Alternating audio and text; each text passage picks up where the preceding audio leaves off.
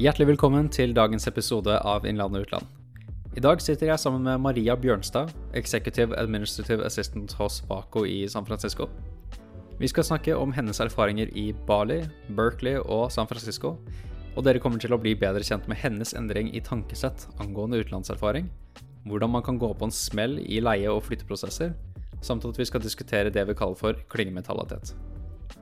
Maria og jeg har kjent hverandre siden våren 2017, da vi møttes på et networking-event med andre potensielle HUL-studenter i Oslo, og vi har holdt kontakten siden da. Men uh, hva med en liten introduksjon av deg selv, Maria? Hvor er det du er akkurat nå, og hva driver du med til daglig? Ja, uh, akkurat nå er jeg i San Francisco. Jeg har bodd her siden høsten 2017, da jeg startet på min master i international business. Så hadde jeg graduation i, for et år siden, i august. Og så etter det så begynte jeg å jobbe hos Vaco. Eh, først som en content analyst, hvor jeg satt og eh, lagde search ads for Google. Og så eh, gikk jeg over til en rolle som executive admin, hvor jeg, det vil si å være assistenten til han som er visepresident. Um, og hjelper han med hva enn han trenger hjelp til, egentlig. Og det er det jeg har gjort frem til nå. Hvordan uh, var overgangen fra å være content analyst til å bli assistent? Um, jeg søkte internt på stillingen som executive admin. Uh, fordi jeg ville gjerne utvikle meg og gjøre noe som var mer relevant til min uh, utdanning. Og hvor jeg ville i min karriere. Og jeg tenkte at å være en assistent til en som er så høyt oppe i en bedrift, vil hjelpe meg med å utvikle meg og, og lære mye nytt, og at jeg i tillegg kan bruke sikkert en god del fra HR, som jeg har en bachelor i, og helt sikkert mye fra international business og prosjektledelse, som jeg også har spesialisert meg i. Men før hele dette hulteventyret og vi møttes i Oslo og sånn, så har du, du har jo vært et par ganger i utlandet før. Hvor er det du har vært fram til nå? Ja, eh, første gangen jeg reiste, det var etter videregående. Så tok jeg et friår Først jobbet et halvt år som barista for å tjene penger. Det føler jeg mange andre sikkert kan relatere seg til. Og så dro jeg til Bali med flere venner fra videregående. Og vi var der i fire måneder og studerte X-fil og X-fac og kulturforståelse. Og egentlig føltes det ut som en veldig lang og deilig ferie i Bali. Eh, og det også fikk meg til å åpne øynene for å dra til utlandet mer. For jeg ble veldig glad i Bali i seg selv. Og fikk en følelse at jeg ikke fikk vært der lenge nok. Så jeg skulle gjerne egentlig vært der litt lenger og blitt enda mer, bedre kjent med stedet og lokalbefolkningen. Og ja, det var på en måte det som startet og fikk meg til å ville reise, da. Mm. Så, så, når det kommer til det med å reise til utlandet, sånn i utgangspunktet, hva var det som gjorde at du bestemte deg for å dra til Bali? Hva var det inni deg som sa at nå må vi ut av kjære Norge? Det var vel Jeg tror det var en venninne som inspirerte meg, som allerede hadde tenkt å dra til Bali. Og så var hun sånn For jeg var litt sånn lost etter videregående. Jeg tenkte, For egentlig skulle jeg bli danser. Men så, etter de tre årene, så fant jeg ut at jeg ikke ville bli danser. Det er en helt annen historie. og så Så snakket jeg og diskuterte med flere venninner hva skal vi gjøre nå, liksom. Og hva jeg visste liksom ikke helt. Og så anbefalte hun Bali, og så var hun bare sånn Bare dra, liksom. Du kommer jo ikke til å angre på det. Og så tenkte jeg ja, det skal jeg søren meg gjøre. Hvorfor ikke, liksom. Eh, så gjorde jeg det, og angret ikke et sekund. Jeg hadde det så gøy. Mm. Hvem var det som var dine viktigste støttespillere i da du skulle ta valget om å dra til utlandet og dra tilbake til utlandet og bli værende? Det var jo venner og familie, da. Så vi var jo en gjeng med venner som dro sammen. Um, så vi Det var jo kanskje de som var det viktigste. Og så fikk jeg også støtte fra familien, som også Jeg har foreldre som har studert i utlandet selv da de var yngre, og de støttet jo det. Og ja, så det var vel egentlig venner og familie som støttet meg i det. Ja, det var kanskje det viktigste for meg også. Uh, min mor og far var veldig sånn OK, utlandet, det er dream big, bare prøv det, du kommer heller ikke til å angre. Og så fikk jeg smaken på det, ja, så, så har jeg vært i utlandet siden den gang, jeg òg. Um, ja, kult. Men til hver utenlandsreise så har jeg trengt en serie ulike dokumenter. Det har vært snakk om visa og exchange papers og alt det der. Eh, husker du noe av de papirene du trengte til å eh, dra til USA, mer spesifikt? Ja. Eh, første gang jeg dro til USA, var da jeg dro til Berkeley som utvekslingsstudent i 2015. Det var gjennom Markedshøgskolen, eller Høgskolen Kristiania som det heter nå. Og jeg måtte ta tøffeltesten, som er en språktest. Den syns jeg, for å være helt ærlig, var veldig vanskelig første gang jeg tok den, fordi den er veldig Jeg syns egentlig ikke språket i seg selv er vanskelig, men jeg syns uh, det er utfordrende med tiden. Fordi du har I begynnelsen merket jeg at jeg var veldig fokusert på tiden og ble veldig distrahert av å se den timeren som gikk ned, og så fikk man liksom ikke tid til å tenke på spørsmålene. Eh, men det handler bare om å studere god tid i forveien, så nailer man den testen. Og så eh, annet enn det, så må man jo ha visum. Så må man dra til den amerikanske ambassaden og, ha, og vente ganske lenge der, som oftest. Og ha et intervju der også. SOS til de som skal det. Eh, det litt, kan være litt ubehagelig, syns i hvert fall jeg. Hvorfor det? Nei, når jeg var der nå sist før jeg skulle starte på Helt, så syns jeg han er, eh, som intervjuet meg, var ganske frekk, egentlig. Ganske sånn arrogant person. Interessant. Uh, ja, jeg syns han var ganske Da jeg fortalte han at jeg skulle studere på Helt, så sa han uh, Is that even a school? Og så sa jeg bare ja, du kan google den skolen, liksom. Den er ekte, den. Og jeg hadde jo alle dokumentene mine, og jeg var kjempeforberedt.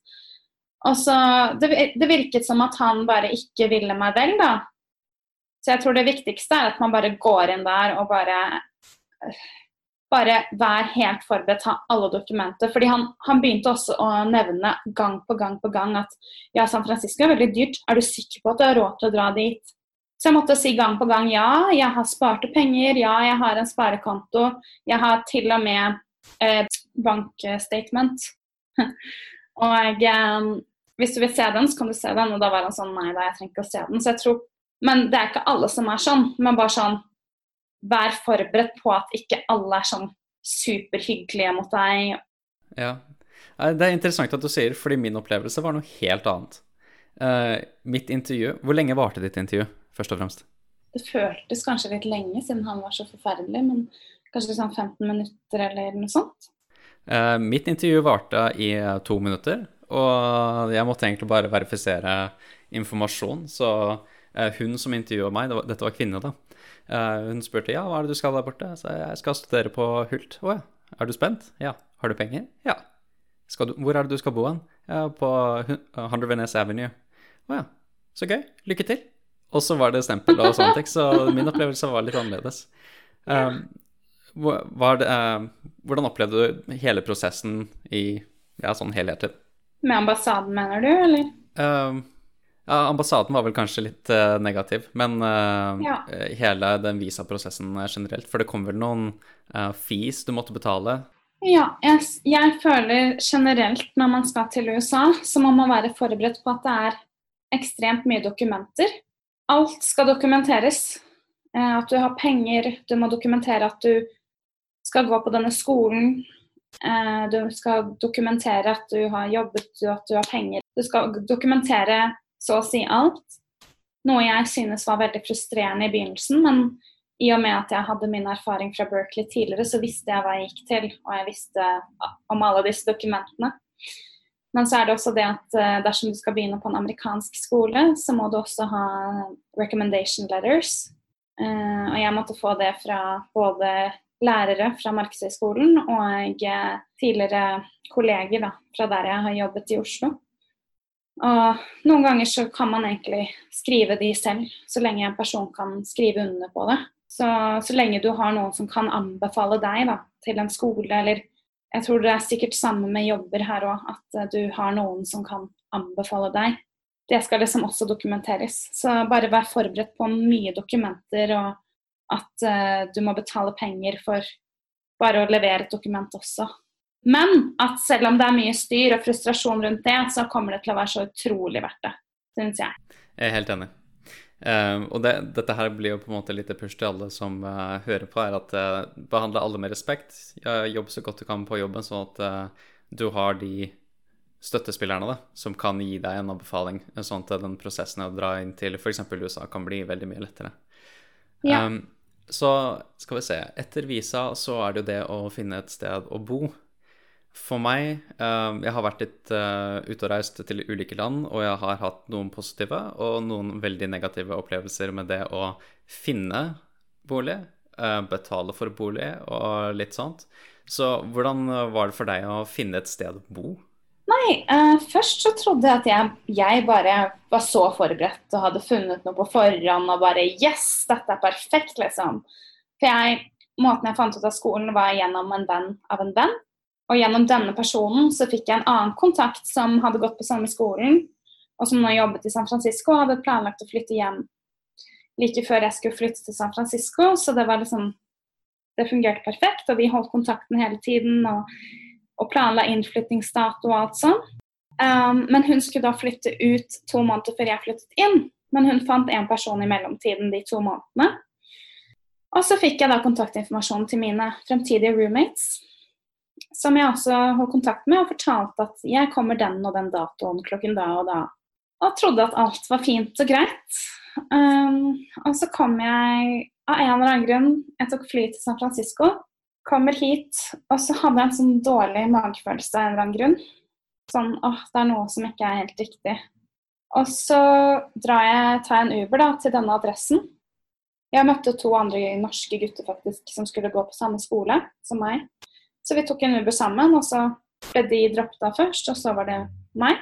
Og så står jeg utenfor i bygningen, slår inn koden, kommer meg inn, finner riktig leilighet og banker på, ingen svarer. Og så bare står jeg der og blomstrer, liksom. og, eh, men jeg hadde jo skrevet ned nummeret til eh, han Broken, brokeren som jeg hadde vært i kontakt med og skrevet under dokumenter for denne leiligheten og alt sånt. Så jeg ringte han og sa hei, hei, det er Maria, jeg skal flytte inn i dag.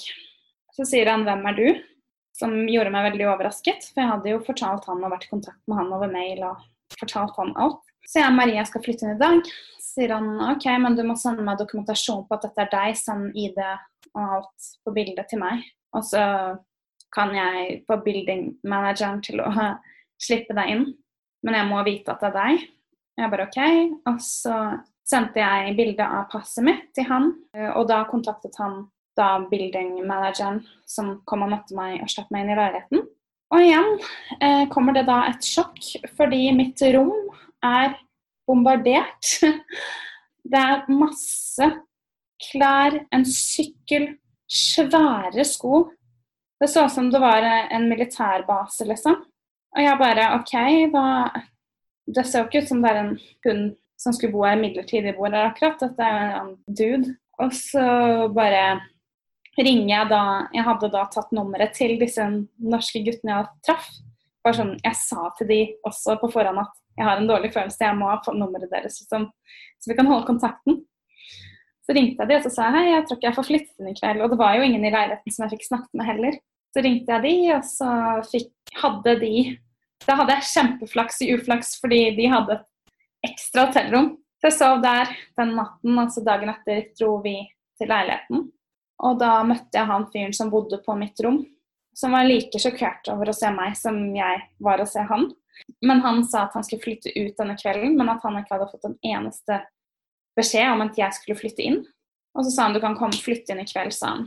Eh, så sa jeg OK, supert, takk, liksom. Så flyttet jeg inn den kvelden møter en av mine roommates som bare virket helt sånn likegyldig. Sånn 'Å, hei, der var du', liksom. Og hun jeg faktisk hadde vært For jeg hadde to, to roommates på dette tidspunktet. Og hun jeg hadde vært i kontakt med, hun var på ferie. Jeg prøvde å tekste henne, men hun bare så meldingene mine og svarte ikke. Å, herregud. Men jeg tenkte bare ja ja, nå er jeg i hvert fall her. Så jeg flyttet inn i denne i rommet, på rommet.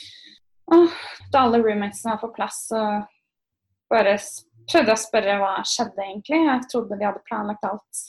Og ingen ville ta skylden, holdt jeg på å si, for at det ble, var noe uh, Jeg vet ikke, det har vært noen misforståelser her tydeligvis, da. Og jeg sa det til og med til hun jenta jeg hadde snakket med på forhånd, som bodde der før meg. Men hun trodde at alt var fint og greit. Og... Så det var bare egentlig kaos. Så hvilke råd, er det du vil, eh, hvilke råd vil du gi da, til de som prøver å søke bolig, eller prøver å finne bolig? Rådet jeg vil gi, er å bare være så forberedt som du kan. Skriv ned all informasjon som du trenger, alle telefonnumre, alle e-mailadresser, bare sånn at du vet du har kontakter. Og alltid ha en plan B og en plan C i tilfelle ting ikke går som det skal. Selv om du føler at du er forberedt og at du har planlagt alt i punkt og prikke, så er det ikke alltid ting bare går smooth. Så bare ha en plan B, en plan C. Nå var jeg heldig som traff disse guttene på veien, og hvis ikke, så vet jeg ikke hva jeg hadde gjort.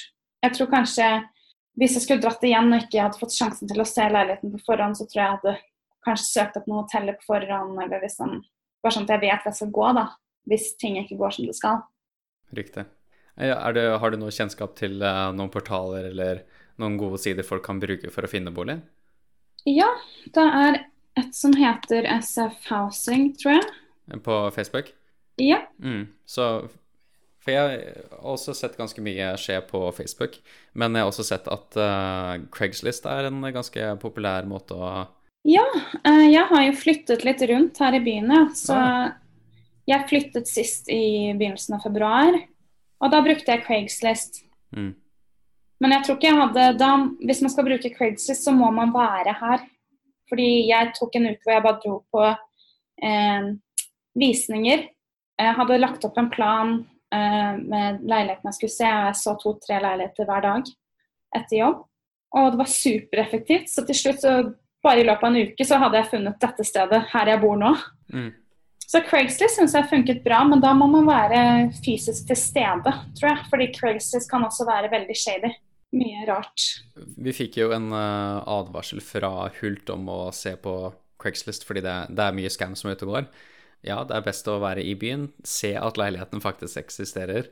Uh, betal med sjekk uh, om du kan gjøre det, fordi det er mye scam som går over wire, eller direkte bankoverføringer. Ja. Men jeg har syntes at det, ganske, det, har vært ganske moro for meg å være norsk i utlandet. Eh, jeg møter ganske mye vitser og forventninger fra folk eh, som er ah, 'Du er norsk, du er jo steinrik', og alt det der. Hvordan er det du opplevde å være norsk i, i San Francisco eller Berkeley? Nei, jeg syns det har vært uh, gøy, jeg. Det er egentlig jeg uh, syns er den største forskjellen, er at uh, amerikanere er jo veldig åpne og snakkesalige i motsetning til mange nordmenn. Um, og at også og Ja, liksom, det er jo både positivt og negativt, ja, fordi noen folk er jo kanskje litt Man kan kanskje oppleve som nordmann at kan være litt uh, for mye, kanskje. At man blir litt sånn Ja, at man syns det er ukomfortabelt. Men uh, jeg syns egentlig det bare har hjulpet meg til å bli litt mer åpen også som person. Og uh, at man ja, jeg bor jo nå med to amerikanere. Og det er kjempeinteressant å snakke med de om liksom, hvordan de er vant til å tenke, og hvordan vi er vant til å tenke. Og de har en sånn selvtillit som jeg tror vi nordmenn kan lære litt av, egentlig. For her er det ikke noe janteloven eller noe sånt i det hele tatt. Her er det jeg, meg, jeg skal opp frem, jeg er flink, jeg er, jeg er bra. Liksom, sånne ting man ikke er helt tillatt å tenke i Norge, da. Ja, jeg tror det er et ganske godt poeng der. Uh, janteloven kan være litt Jeg skal ikke si farlig, men den kan være litt kjip å, uh, å forholde seg til. Fordi i den verden vi lever i i dag, hvis du skal få deg jobb og du skal skille deg ut, så må du faktisk være flink til å vise deg fram. Hvis du er flink ja. til å gjøre noe, så må du kunne si 'hei, her er jeg, og dette er det jeg gjør'. Uh, jeg mm. tror det, den, den Hva skal jeg si Narsissismen man finner mhm. i USA, kommer litt på godt og vondt. Vi skal ikke gå inn i politikk og sånn, men jeg tror det, det, er en fin balanse mellom det å være nordmann og det å være amerikaner, sånn sett. og jeg kjenner også på det at etter å ha vært i USA, så kimser jo ikke jeg av å på en måte skrive en LinkedIn-post her og noe på Facebook og på en måte sånn Her er jeg, dette er det jeg har gjort. og jeg får jo god respons. Folk er sånn Å ja, det var kult. Jeg har ikke mm. møtt noen enda som sier Æ, du, nå uh, syns jeg du er litt uh, mye. Poster litt mye og deler litt mye. Så det er sånn Du, du lærer litt av dem.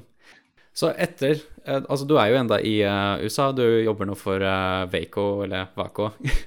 Um, mm. Hvilke erfaringer og ferdigheter er det du føler at du sitter igjen med som et resultat av reisen til Bali, at du har vært i Berkeley og vært i San Francisco og studert ved Hult? Ja, jeg føler sånn uh, alt i alt så har jeg jo blitt en veldig mye mer åpen person. Um, fordi I begynnelsen så syntes jeg det var litt vanskelig å bli kjent med folk pga. alt som skjedde. Men etter hvert som det kanskje det rotet seg litt ned på skolen, og jeg ble kjent med flere mennesker, og spesielt nå etter året på Halt, så var det jo mange som flyttet tilbake igjen. Eller flyttet til andre land og sånn. Så vi ble på en måte en kjerne igjen her, og vi henger sammen veldig mye nå. Så jeg har venner, altså. nå. Men eh, jeg har en, et bra sosialt nettverk nå. Det har liksom gått seg litt til. Og det som er litt gøy, er at alle vennene mine nå er fra ulike land. Det er ingen som er fra samme land, og du har sikkert litt samme opplevelsen. Opplevelsen, herregud, plutselig fikk jeg en dialekt her. Um, og uh, det syns jeg er veldig gøy, fordi man får bare ut fra å henge, gjøre helt tilfeldige ting, bare gå på kafé eller hva enn man gjør, da, så hører man Får man innblikk i hvordan det er å bo i helt andre kulturer enn din egen, annet enn amerikansk også. Man, det setter perspektiv på livet, da. For det er jo mange jeg har jobbet med og blitt venner med her, som ikke er herfra, som absolutt ikke vil hjem. Og det er der jeg føler at vi er veldig heldige som nordmenn, er at vi kan dra hjem og ha det kjempebra. Egentlig ha en bedre levestandard enn her, fordi det er så utrolig dyrt her. Men at liksom man får bare Det setter perspektiv på ting, da. Så det også har vel hjulpet meg å vokse som person. Og også bli åpen til andre kulturer og klare å tilpasse meg andre kulturer. Og blitt eh, mindre redd for å snakke med nye mennesker. Det syns jeg ikke er noe skummelt lenger. Det syns jeg kanskje var litt mer skummelt før. Og man blir jo veldig selvstendig av å reise alene. Det var det jeg tenkte da jeg reiste til Berkeley. Da dro jeg også med en venninne. Og etter de månedene i Berkeley så tenkte jeg for meg selv hit skal jeg tilbake. Men neste gang jeg drar hit, så skal jeg ikke dra med noen. Jeg skal dra alene. For jeg syns det ble litt mye styr å være med én person hele tiden som man må forholde seg til og passe på. Og jeg tror kanskje man får litt mer ut av å dra alene, hvor man, får, man blir pushet til å snakke med nye mennesker. Man må ta vare på seg selv. Man blir mye mer selvstendig på veldig mange måter da. Helt enig der. Det var uh, På Boston-campuset så var vi kanskje åtte eller ni nordmenn, og så var det noen svensker, og så var det noen dansker uh, og litt sånt. Um, et mål jeg bevisst satte meg, var at jeg skulle henge så lite som mulig med dem. Fordi det er, det er så lett å falle inn i en sånn klyngementalitet. Um, og det Alle land er sånn. Uh, du ser at indere henger med indere, spanjoler uh, henger med spanjoler, colombianere med colombianere og franskmenn med franskmenn. Det er liksom Alle finner en sånn klynge. Uh, så det jeg tror et av de tingene jeg sitter igjen med, er rett og slett bare det at man må tørre å ikke henge med sine egne. Fordi da blir det veldig mye av ditt eget språk, og jeg tenker at noe av grunnen til at mange drar til utlandet, i hvert fall jeg, er å kunne mestre det engelske språket, kanskje lære meg litt av noen andre språk, men også det å få den innsikten i hvordan andre kulturer tenker, hvordan de fungerer og sånne ting. Ja, det er jeg helt enig med deg i. Jeg også har sett veldig mye Jeg syns spesielt skandinavere er utrolig flinke på å bare henge med skandinavere. Noe som blir litt dumt når man er i et helt annet sted. Så jeg er helt enig med deg at man skal kanskje bevisst prøve å unngå det, og prøve å sosialisere seg med andre, ja, lokalbefolkningen og andre kulturer. Og at man kanskje bevisst prøver å finne en leilighet med amerikanere, da. Man må snakke engelsk, rett og slett. Og eneste måten å bli bedre på, er jo bare å snakke engelsk hele tiden. Mm. Et av Eh, noe av effekten av det å ikke henge med skandinaver i det hele tatt når du bruker mye tid i utlandet, er jo da at man glemmer sitt eget morsmål.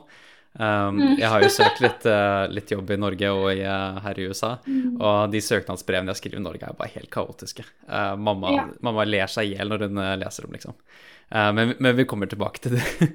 ja. men i, når vi tenker på det med jobbsøking, hvilke forventninger er det du har til hvordan rekrutere og arbeidsgivere vil ha til utenlandserfaringene dine?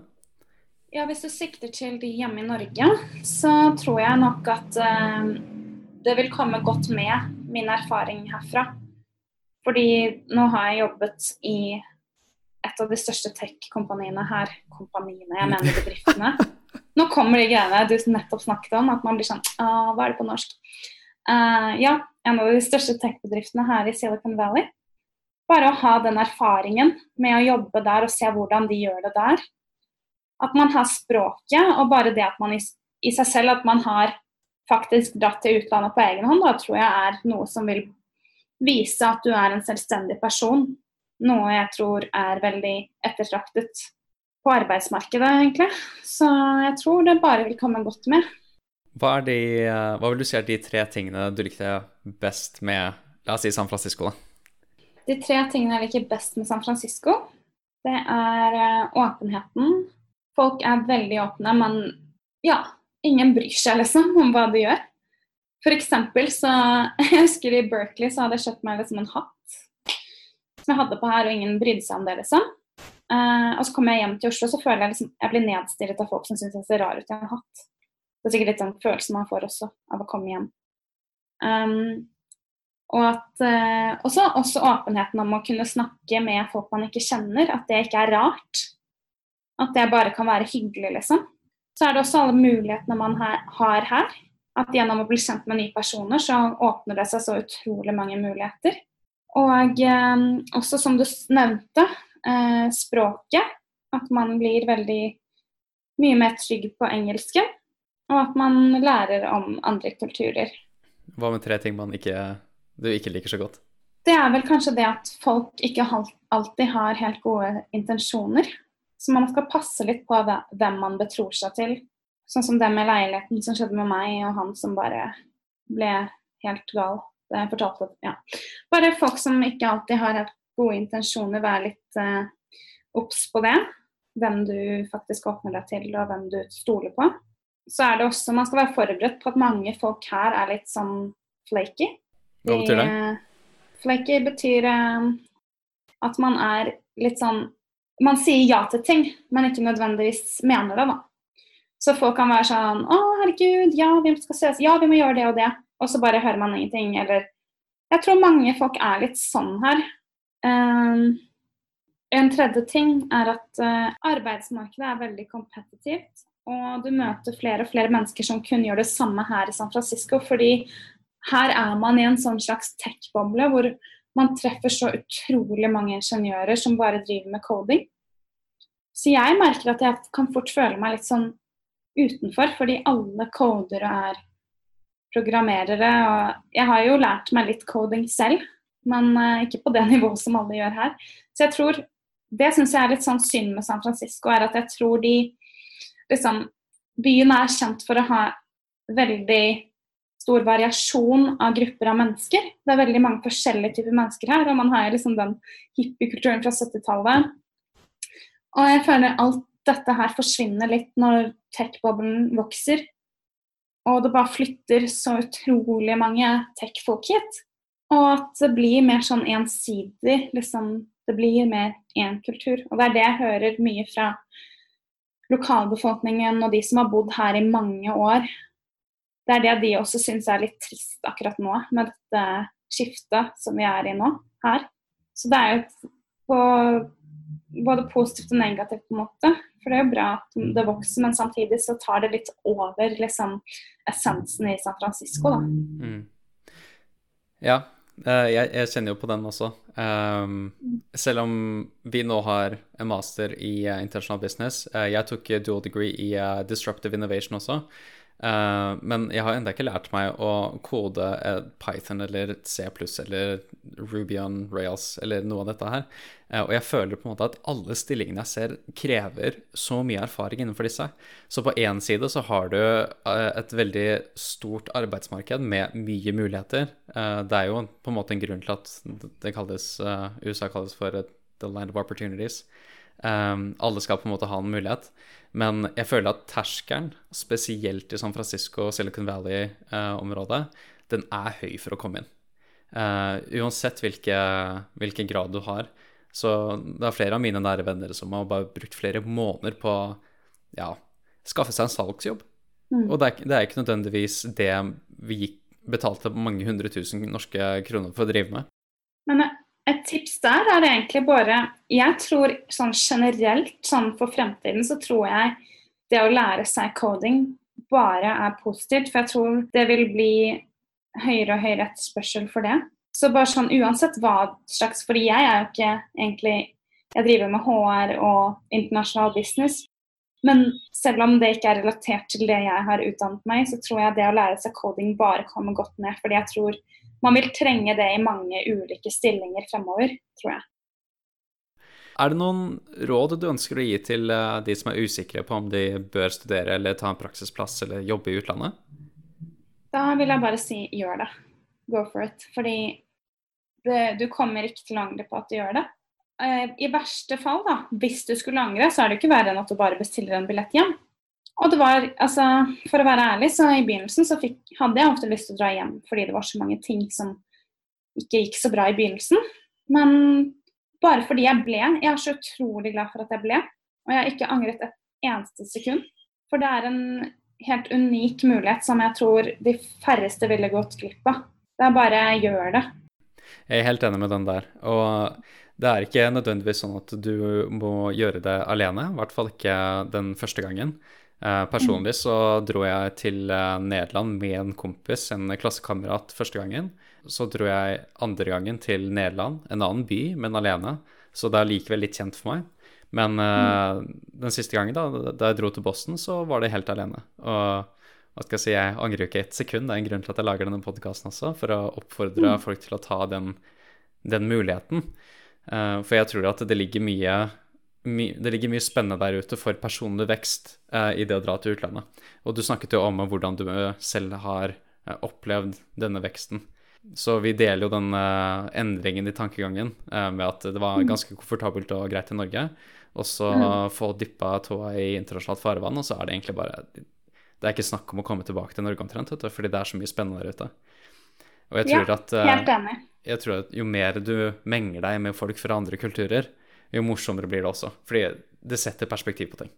Det er jeg helt enig i. og Det bare handler litt om å bare gå ut av komfortsonen mens man kan. Det er på en måte ingenting som binder meg til å være hjemme nå uansett, så hvorfor skal jeg ikke bare gjøre dette, som jeg elsker, liksom. Mm. Og jeg tror man har utrolig godt av å, selv om det kan virke skummelt og sånn å skulle dra til et helt annet land, så tror jeg man bare har så utrolig godt av å gå ut av komfortsonen og bare oppleve noe helt annet og komme seg ut av den norske boblen. Helt enig. Ja. Og det er uh, overraskende nok så er det flere organisasjoner som uh, skal som eksisterer for å hjelpe norske studenter i utlandet. Um. Det ene jeg vet om, er uh, ANSA, som faktisk har gratis counseling sessions for internasjonale studenter. For det kan være. Du kan slite med hjemlengsel, depresjoner og alt det der. Jeg var ikke klar over det. Eh, jeg skulle gjerne ønske at jeg visste at sånt eksisterte, fordi det, ikke, det er ikke bare lett å være borte, borte, fra Norge og langt unna familie og sånne ting. Eh, så det, det, er sånne ting man må være litt obs på, tenker jeg. Ja, og så har man også sjømannskirken rundt omkring. Det er en sjømannskirke her i San Francisco man også kan dra på litt norske middager hvis man plutselig får litt hjemlengsel, og hvor man får også snakket med de som jobber i kirken der, som er kjempehyggelige og skjønner situasjonen din og kan støtte deg. da.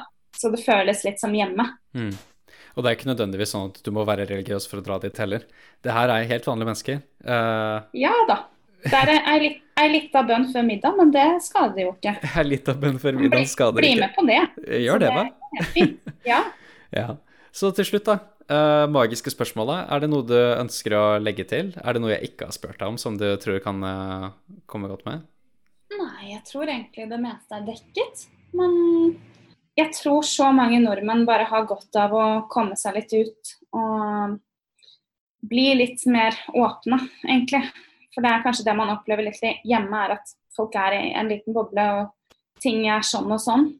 Men hvis man drar ut, så skjønner man kanskje at ting er litt mer variert. Og ja, jeg tror egentlig bare mange har godt av å gjøre det her.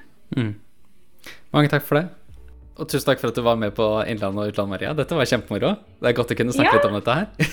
takk i like måte. og Det syns jeg bare var kjempegøy. Tusen takk til deg, Maria, og takk til deg som lytter. Dette konkluderer dagens episode av Innlandet utland, og jeg håper at du sitter igjen med noen gode råd som hjelper deg til å ta den avgjørelsen som føles rett. Uansett om det er å bli værende i Norge, eller å dra til utlandet et sted. Dersom du kjenner noen som har vært i utlandet gjennom studier, jobb, eller kanskje noen som jobber i en organisasjon som støtter internasjonale studenter, så hadde jeg satt pris på om du refererer de til denne podkasten. Kanskje jeg kan intervjue dem i en senere episode. Dersom du har noen spørsmål eller ønsker å komme i kontakt med meg, er det bare å finne meg på LinkedIn på Dennis Kristoffer Høyer Hoel, eller sende meg en e-mail på dennis.k.hol at gmail.com. Takk for nå, og så snakkes vi i neste episode.